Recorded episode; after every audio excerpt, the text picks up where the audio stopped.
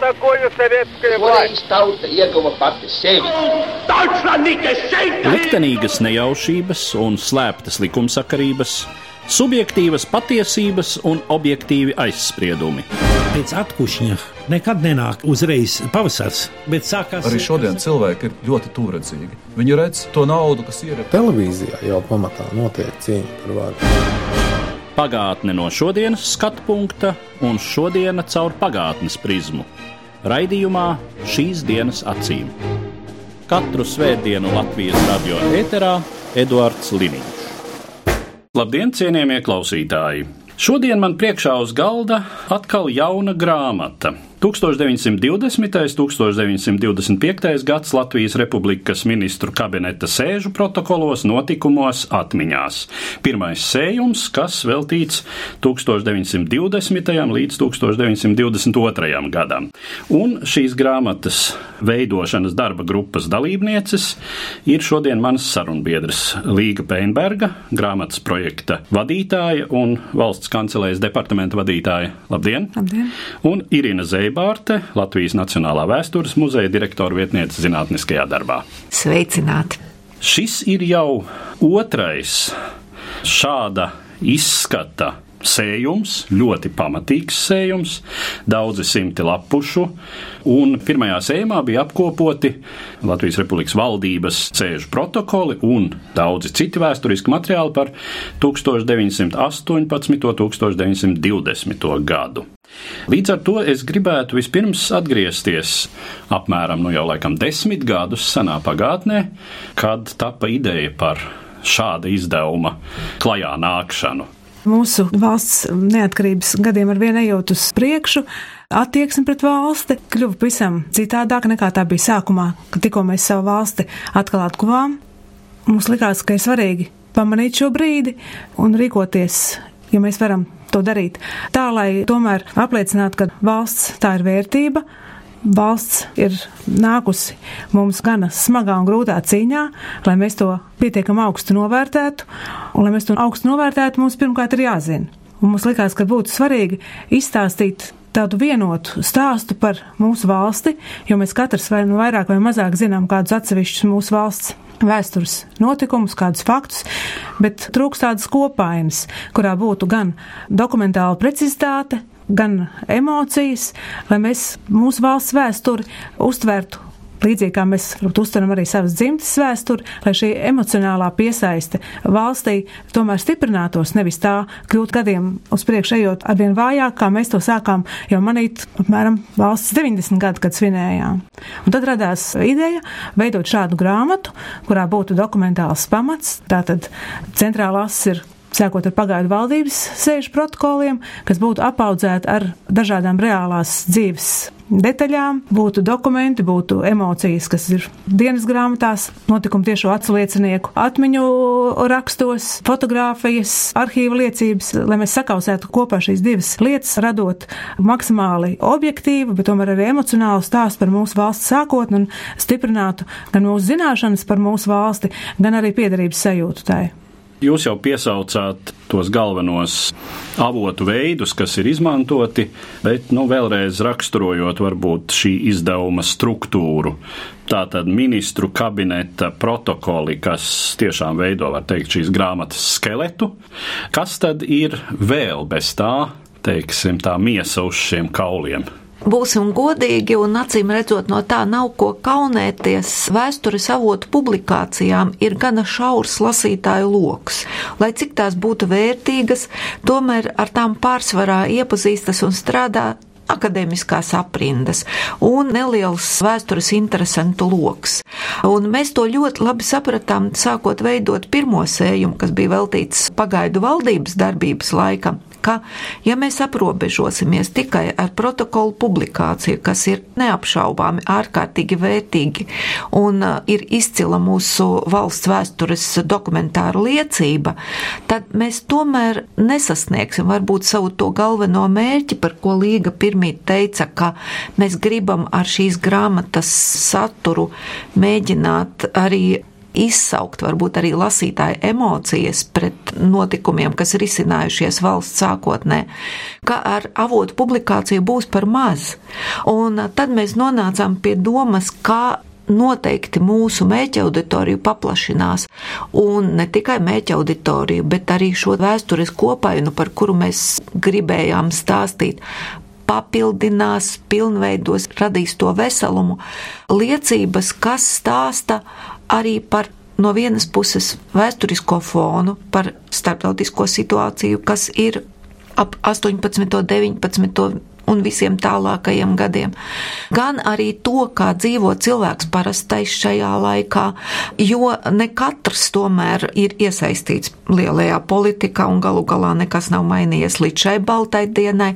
Kā izskatās ielas, cilvēki ielās, lauki, kas ir tās dienišķās problēmas, ar ko cilvēks tajā laikā ir nodarbināts, par ko viņš ir norūpējies, jo tikai tā mums šķita, mēs varēsim radīt pilnvērtīgu ieskatu par to, ko tad valdība dara, ar ko viņa nodarbojas, cik aktuāls ir tas, ko dara valdība un cik ļoti tas saskan ar reālo dzīvi, ar reālās dzīves vajadzībām, cik ļoti pagaidu valdības protokolos atbalsojas dzīve reālā un tieši otrādi, cik ļoti reālajā dzīvē atbalsojas šo lēmumu sekas.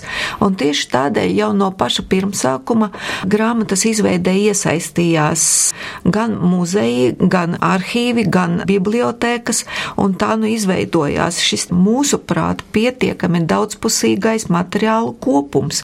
Kā jau Līga teica, gan fotografijas, gan uh, cita veida attēli, gan dokumenti, gan atmiņas, gan dienas grāmatas, gan avīžu publikāciju fragmenti.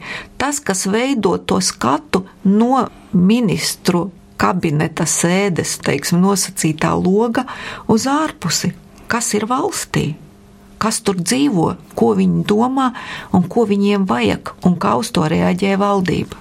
Runājot par šo izdevumu, pirmkārt par iepriekšējo izdevumu.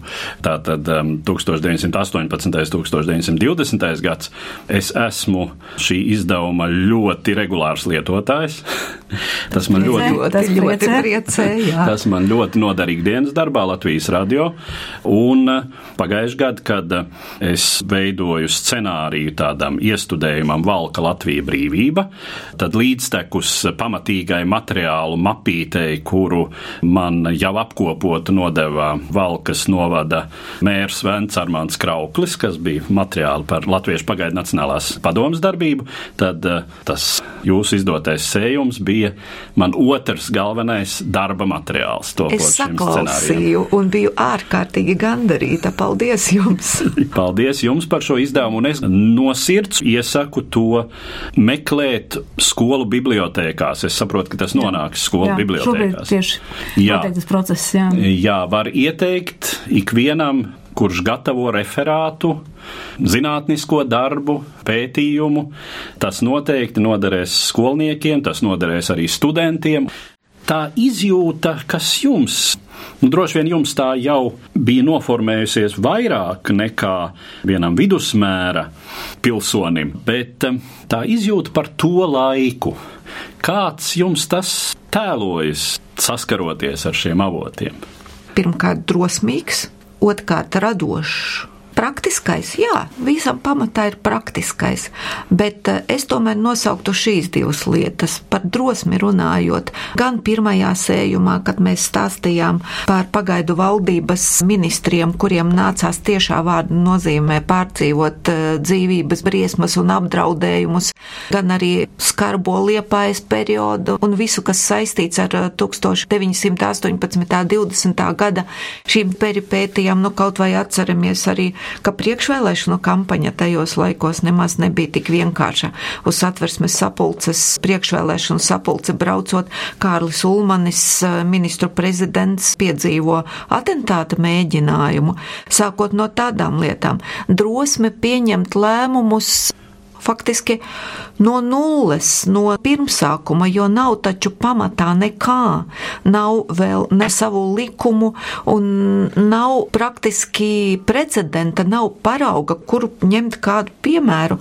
Un par radošumu, kad es domāju, es domāju arī par to, ka šie cilvēki tieši tādēļ, ka nav precedenta, valdībā ir spiesti domāt, kā iziet no reālās situācijas. Jo, piemēram, problēma, kas turpinās gan pirmajā sējumā, gan šajā, ir pārtiks problēma un bēgļu problēma. Kā iziet no situācijas tad, kad elementāra lieta ir tā, ka cilvēki cieš badu, viņi ir jāpabaro, jāmeklē milti, jāmeklē nauda, lai nopirktu šos miltus. Viena no tēmām, kas mums iziet diezgan cauri, ir tāds jēdziens Amerikas milti, par kuru norēķinās, kuru piešķir. Tā ir ikdienišķa lieta, ir jādomā, kur un kā to izdarīt, kā tikt galā. Bēgļi bēgļi, kas sāk atgriezties un kas turpina atgriezties vēl visu 20. gadu pirmo pusi, viņiem taču ir jānodrošina elementāras lietas, jāveido mehānisms, kā viņus saņemt, kā viņus izvietot, jo atgriežas taču viņi pārsvarā tukšām rokām pat bez tiem vezumiem, ar kuriem mēs viņus redzam, braucam prom bēgļu gaitās 15. gadā. Lielākoties viņi atgriežas pilnīgi bez iztikas līdzekļiem, kur dzīvot. Mēs esam ievietojuši grāmatā attēlus par to, kā cilvēki turpina dzīvot zemnīcās no kara laikiem, pielāgotās blindāžās. Tātad kā palīdzēt šiem cilvēkiem tikt pie normālām mājām? Tur ir vajadzīga gan drosme, gan radošums un meklēt to pieeju, atļauties dažreiz tādus pārsteidzošus risinājumus. Es domāju, ka tas raksturo tā laika visas valdības. Nu, mums tagad jāsaka arī šajā sējumā pārstāvētās valdības divus kabinetus.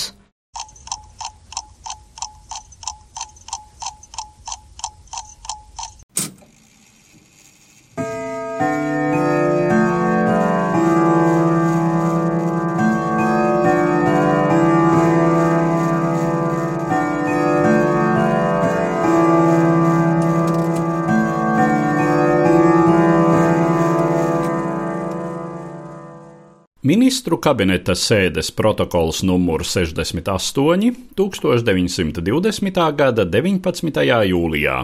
Klāt ministru prezidents Kārlis Ulmanis, ārlietu ministrs Zikfrīds Mejerovics, iekšlietu ministrs Arvets Bergs, apsardzības ministrs Ēriks Feldmanis, finanšu ministrs Kārlis Puriņš, tirdzniecības un rūpniecības ministrs Friedrichs Zomers, satiksmes ministrs Adolfs Kuršinskis, darba ministrs Friedrichs Ozoliņš, izglītības ministrs Juris Plāķis, tieslietu ministrs Rudolfs Bennus, zemkopības ministrs Hugo Celmiņš, apgādības ministrs Augusts Kalniņš, iekšlietu ministra biedrs Jēzubs Kinzulis, armijas virspavēlnieks ģenerālis Balodis, štāba priekšnieka vietas izpildītājs pulkvedis leitnants Ceplītis, sevišķu uzdevumu virsnieks pie armijas virspavēlnieka štāba pulkvedis leitnants Ramats. Protokolē valsts kancelējas direktors Dāvids Rudzītis. Sēde sākas pulksten 5 un 20 minūtēs pēc pusdienas. Pirmkārt, pieņem noteikumu projektu par atsevišķām piemaksām ierēdņiem Latgalē un Ilūgstes apriņķī. Otrakārt, uz iekšlietu ministra priekšlikumu pieņem rīkojumu par mantu daudzumu, kuras atļauts izvest izraidāmiem ārzemniekiem. Treškārt, Ārlietu ministrs ziņo par stāvokli sakarā ar lielinieku uzbrukumu Polijai, un par Latvijas-Krievijas miera sarunām. Ievērojot to, ka miera sarunas ar Krieviju iet sekmīgi uz priekšu, liek priekšā noslēgt ar Krieviju pamieru, kam kabinets piekrīt. Apstiprina Latvijas miera delegāciju sekojošā sastāvā - priekšsēdētājs Jānis Vesmanis, locekļi Pēteris Berģis, Kārlis Pauļuks, Ansis Buševits un pulkvedis Eduards Kalniņš. Ceturtkārt, uz ārlietu ministra ierosinājumu piekrīt Angļu priekšstāvja Robinsona priekšlikumam atļaut Igaunijai izvest nedēļas laikā no 17. jūlija skaitot no Kaģieru pagasta igauņu sagatavoto koku materiālu 940 baļķus, 1500 slīperus un 25 kubikasis malkas. Piektkārt apspriež agrārās satversmes likuma projektu nolēmja pēc likumprojekta pārstrādāšanas nodot to Tieslietu ministrijas juriskonsultācijai, rediģēšanai un saskaņošanai ar pastāvošiem likumiem, likumprojekts pēc tam par jaunu iesniedzams kabinetam. Sestkārt apspriežot Lāzeru un kompānijas prasību nodot šo lietu atsevišķai komisijai no Finanšu, iekšlietu un apgādības ministrijas priekšstāvjiem, kurai uzdod šo lietu noskaidrot un iesniegt kabinetam noteiktus priekšlikumus. Septītkārt, grozot agrākos kabineta lēmumus attiecībā uz kabineta locekļu atalgojumu, nolēmja ar 1920. gada 12. jūniju izmaksāt algas kabineta locekļiem sekošos apmēros ministru prezidentam un ārlietu ministram 7500 rubļu mēnesī, brīvu dzīvokli ar iekārtu, apsildīšanu un apgaismošanu, pārējiem ministriem 6000 rubļu algas un 1200 rubļu dzīvokļa naudas mēnesī. Uz kabineta locekļiem attiecināt noteikumus par ģimenes piemaksām no algas, dārdzības piemaksas neizsniegt neatkarīgi no algas izsniegt personīgiem reprezentācijas izdevumiem bez kontroles, ministru prezidentam 100 tūkstošus rubļu, ārlietu ministram 60 tūkstošus rubļu gadā. Ministru biedru algas noteikt uz 4500 rubļiem mēnesī, skaitot no 1. jūlija šajā gadā, attiecinot uz viņiem arī ģimenes piemaksas, bet bez dārdzības piemaksām. Algu projektu iesniegt satversmes sapulcei apstiprināšanai budžeta kārtībā. Astotkārt. Uz apsardzības ministra priekšlikumu noliek armijas virspavēlnieka algu uz 6000 rubļiem un viņa štāba priekšnieka uz 4500 rubļiem mēnesī, skaitot no 1. jūlija šajā gadā. Sēdi slēdz pulksten vienos un 15 minūtēs naktī. Ministru prezidents Kārlis Ulmanis, valsts kancelējas direktors Dāvids Rudzītis.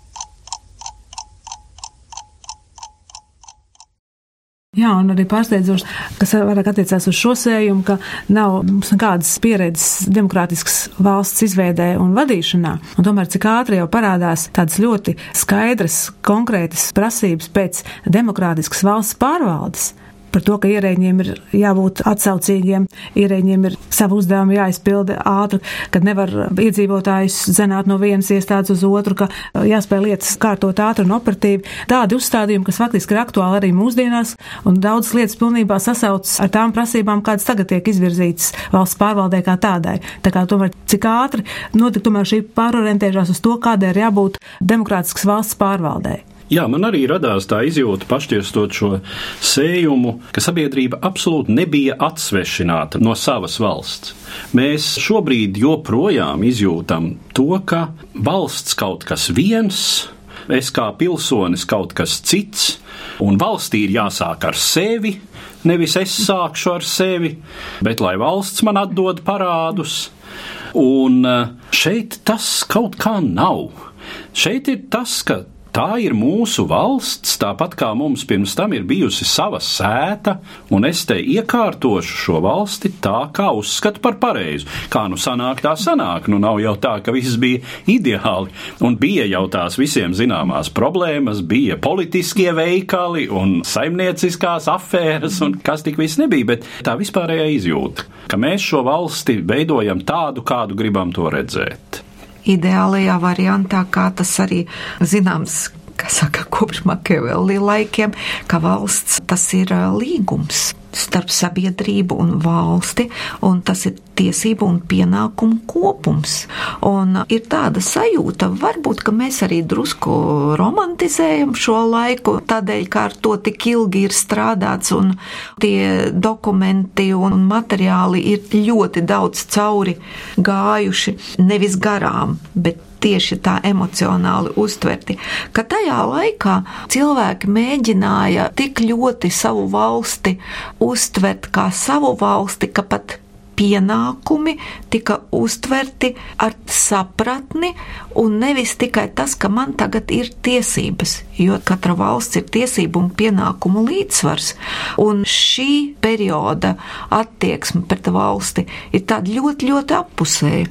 No vienas puses tas, kas varētu ārkārtīgi izbrīnīt lasot protokolus, ka valdība gandrīz katrā vai katrā otrajā protokolā lemj piemēram par pabalstu un aizdevumu piešķiršanu kādām lietām, absolūti it kā nenozīmīgām - dzirnavu remontam, darbnīcas atjaunošanai, fabrikas atjaunošanai, kaut kā ierīkošanai, namu remontam tā ir tā ļoti tiešā un ciešā saikne. Un tai pašā laikā ir arī pretīm nākšana, jo palasot, piemēram, atmiņas, palasot uh, laikrakstu ziņas par to, cik emocionāli un nevis atsvešināti tiek uztverti, nu, piemēram, valsts svētki šajā laikā.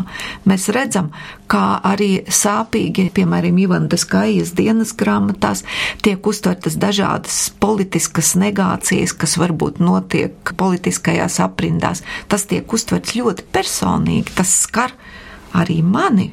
Un vēl viens aspekts, kas arī šeit parādās, Latvijai toreiz bija izteikts centrtieces spēks tie latvieši, kas bija izsvaidīti visā plašajā pasaulē, Pirmā pasaules kara, pirmkārt bēgļu kustības, arī cariskās armijas mobilizācijas, rūpnīcu evakuācijas rezultātā, arī tie, kas jau pirms kara bija dzīvojuši visā Krievijas impērijā, viņi lielum lielajā vairumā tiecās atgriezties.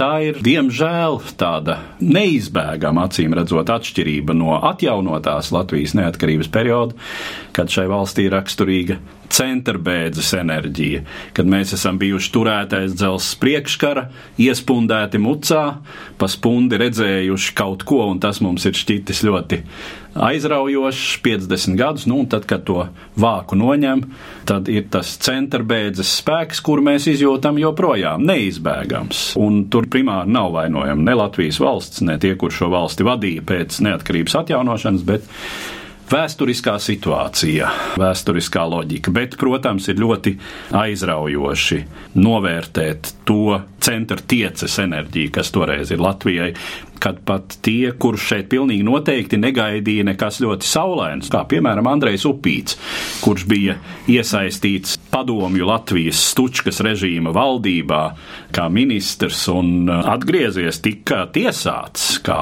politisks noziedznieks. Viņš acīm redzot rēķinoties ar šo iespēju, tomēr atgriezās, un viņš jau nebija tāds vienīgais. Nu jā, vienlaikus arī varam lasīt materiālus, cik ļoti sarežģīts bija šis atgriešanās ceļš, un kā padomju Krievija kavēja Latvijas iedzīvotāju atgriešanos atpakaļ dzimtenē. Tiešām tā vēlme atgriezties dzimtenē cilvēkiem bija ļoti liela tajos gados, un tas ir grāmatā vairākos materiālos ļoti, mūsuprāt, emocionāli spilgti redzams. Un vēl viena varbūt tāda nianse. Diezgan daudzos protokolos tiek runāts par to un lemts par to, kā valsts darbā tiek nodarbināti, pieņemti vai nepieņemti, pārsvarā pieņemti citu valstu pavalstnieki jo šajā laikā Latvijai gan šo bēgļu dēļ, gan arī citu iemeslu dēļ bieži vien pietrūkst to, ko mēs varbūt varam saukt par augsti kvalificētiem speciālistiem. Jo, piemēram, diezgan daudz tiek pieņemti darbā citu zemju pavalsnieki augstskolās jo trūkst akadēmiskā personāla un tiek pieņemti dažādu valstu pavalstnieki darbos. Un tas ir arī varbūt svarīgi un kaut ko liecina par tā laika valsti un valdību Mēs esam atvērti valsts interešu labā, mēs esam atvērti arī citu ļaužu pienesumam, ja mēs to vērtējam par augstu esam. Un daudzi no šiem cilvēkiem arī uzkavējas ne tikai kaut kādu noteiktu īsu laika sprīdi, bet pat paliek uz dzīvi Latvijā. Tieši tā. Un vispār domājot par to laiku, aizrautība, entuziasms, radošums. Kas, jūsuprāt, ir tā pamatā? Tas tomēr bija vainagojums ļoti ilgam laikam, kad mēs bijām citas valsts un citas varas pavalsnieki. Tā bija apziņa, ka sava valsts ir tā, kas ir tautas organizēšanās augstākā forma, un tā apziņa arī, kas ļoti spilgti izpaužas arī pirmās pagaidu valdības deklarācijas noslēgumā, kur ir uzskaitīti ļoti daudz pagaidu valdībai veicamie darbi, un noslēgumā Pirmais ministru prezidents rezumē, kāpēc šie daudzie darbi veicami. Tāpēc, lai tas ir nevien Latviju prieks, bet apmierina arī visus citus šīs zemes iedzīvotājus. Tad nebija valsts dibinātājiem un pirmajai pagaidu valdībai nekādu šaubu par to, ka tas, kad mums ir sava valsts, tas ir pats par sevi, tas ir milzīgs sasniegums, tas ir prieks un lepnums. Un mums to vajadzētu šodien biežāk atcerēties, nevis vainot valsti, prasīt valstī, kritizēt konkrētas lietas, konkrētas rīcību, konkrētas amatpersonas, bet nekad to nesajaukt kopā ar valsti, jo valsts tas tiešām ir milzīga mūsu priekšteču dāvana mums, ko mums vajadzētu atcerēties un pietiekam arī novērtēt. Es gribētu izmantot jūsu minēto piemēru par centrtieci un centrbeidzi. Man liekas, ka šajā laikā tas izpaužas arī tīri šīs garīgās enerģijas veidā, jo latviešiem, Latvijas tautai nekad nav bijusi sava valsts līdz šim. Un tad, kad tā tiek izveidot, lūk, ilgstoši slāpētais radošais gars, radošās spējas, katra individuāla cilvēka, nacionāli noskaņota, valstiski noskaņota cilvēka spējas, beidzot gūst izēju tas vāks, ko jūs minējāt, tam katlam, kas ir uzlikts, kas bija svešā zemē, svešās valstīs, ka bija jāpakļaujas vienas vai otras varas likumiem vai režīmiem, viņš tiek noņemts. Un nu tagad mēs esam brīvi paši būt, paši radīt, paši lemt, un tieši tas arī Man liekas, ir tas galvenais, kas rada to dinamikas izaugsmes spēju, jo cilvēki ir augstoši radīti, augstoši pierādīt to, ka viņi var un ko viņi var savas valsts labā. Un es te pievienotu vēl vienu aspektu, kas arī ir saistīts ar šo centrbēdzu un centrtieci. No vienas puses ļoti traģiskā Pirmā pasaules kara pieredze, milzīgie zaudējumi bēgļu kustībā, vairākiem simtiem latviešu paliekot kaut kur Krievijas plašumos, kritušiem pilsoņu karā vai vienkārši izlēmušiem neatgriezties, tad tomēr no otras puses tas, ka tik liels skaits mūsu tautiešu ļoti īsā laika sprīdī bija spiesti, bet no otras puses viņiem bija šī iespēja iepazīt citādu pieredzi, redzēt, kā dzīvo citur. Un kaut arī tas ir neapskaužams liktenis nonākt kā bēglim kaut kur iekškrievijā, nonākt kā evakuētam strādniekam kaut kur Donbasā, kā karagūsteknim vācu karagūstekņu nometnēs. Droši vien, ka no ērtību viedokļa nekas ļoti komfortabls nebija arī imantas pulka karēviem ar kuģi apbraukt vairākus mēnešus apkārt visai Eirāzijai. Bet tā pieredze, ko gūst simti tūkstoši, kuri līdz tam ir dzīvojuši viena pagasta, varbūt vienas pilsētas, vienas priekšpilsētas robežās, un tad atnes to atpakaļ šurp. Un, protams, tie atskaites punkti ir pavisam citi. Mēs vairs nesamērojamies ar kaimiņu pagastu savā domāšanā, bet samērojamies jau ar plašiem ģeopolitiskiem mērogiem, ikdienas cilvēku pieredzes līmenī. Manuprāt, tas bija ļoti svarīgi tam brīdim. Jā, un neveltamies arī īsajos komentāros, kāda ir ievietota pie protokoliem, komentējot amatpersonas. Arī tur visur izvēlējāmies noteikti minēt šo faktu. Attiecīgajā laikposmā atgriezās Latvijā. Tā kā tas arī tur redzams no šīm personām, kas ir piesauktas protokolā, cik daudz bija tie, kas atgriezās un ieņēma dažādus amatus valsts pārvaldē. Un izmantoja iepriekš iegūto pieredzi, ļoti dažādo, ļoti vērtīgo, bet tā viennozīmīgi parādās ļoti daudzos gadījumos. Es nepārspīlēju ļoti daudzos. Ar šādiem secinājumiem un ar vēlreiz aicinājumu ikvienam iepazīties ar šo lielisko izdevumu, gaidīt otro sējumu, kas tad būs veltīts laikam no 23. līdz 25. gadam, iespējams arī turpmākos sējumus. Tad es arī noslēdzu mūsu šodienas raidījumu un eh, saku paldies grāmatas 1920. un 1925. gads Latvijas Republikas ministru kabineta sēžu protokolos notikumos atmiņās veidotājām, grāmatas projekta vadītājai Līgai Penbergas kundzei un darba grupas dalībniecei Latvijas Nacionālā vēstures muzeja direktora vietniecei zinātniskajā darbā Irīnai Zēbārdas kundzei. Paldies! Paldies jums! Katru svētdienu Latvijas radio viens par pagātni sarunājas Eduards Līniņš.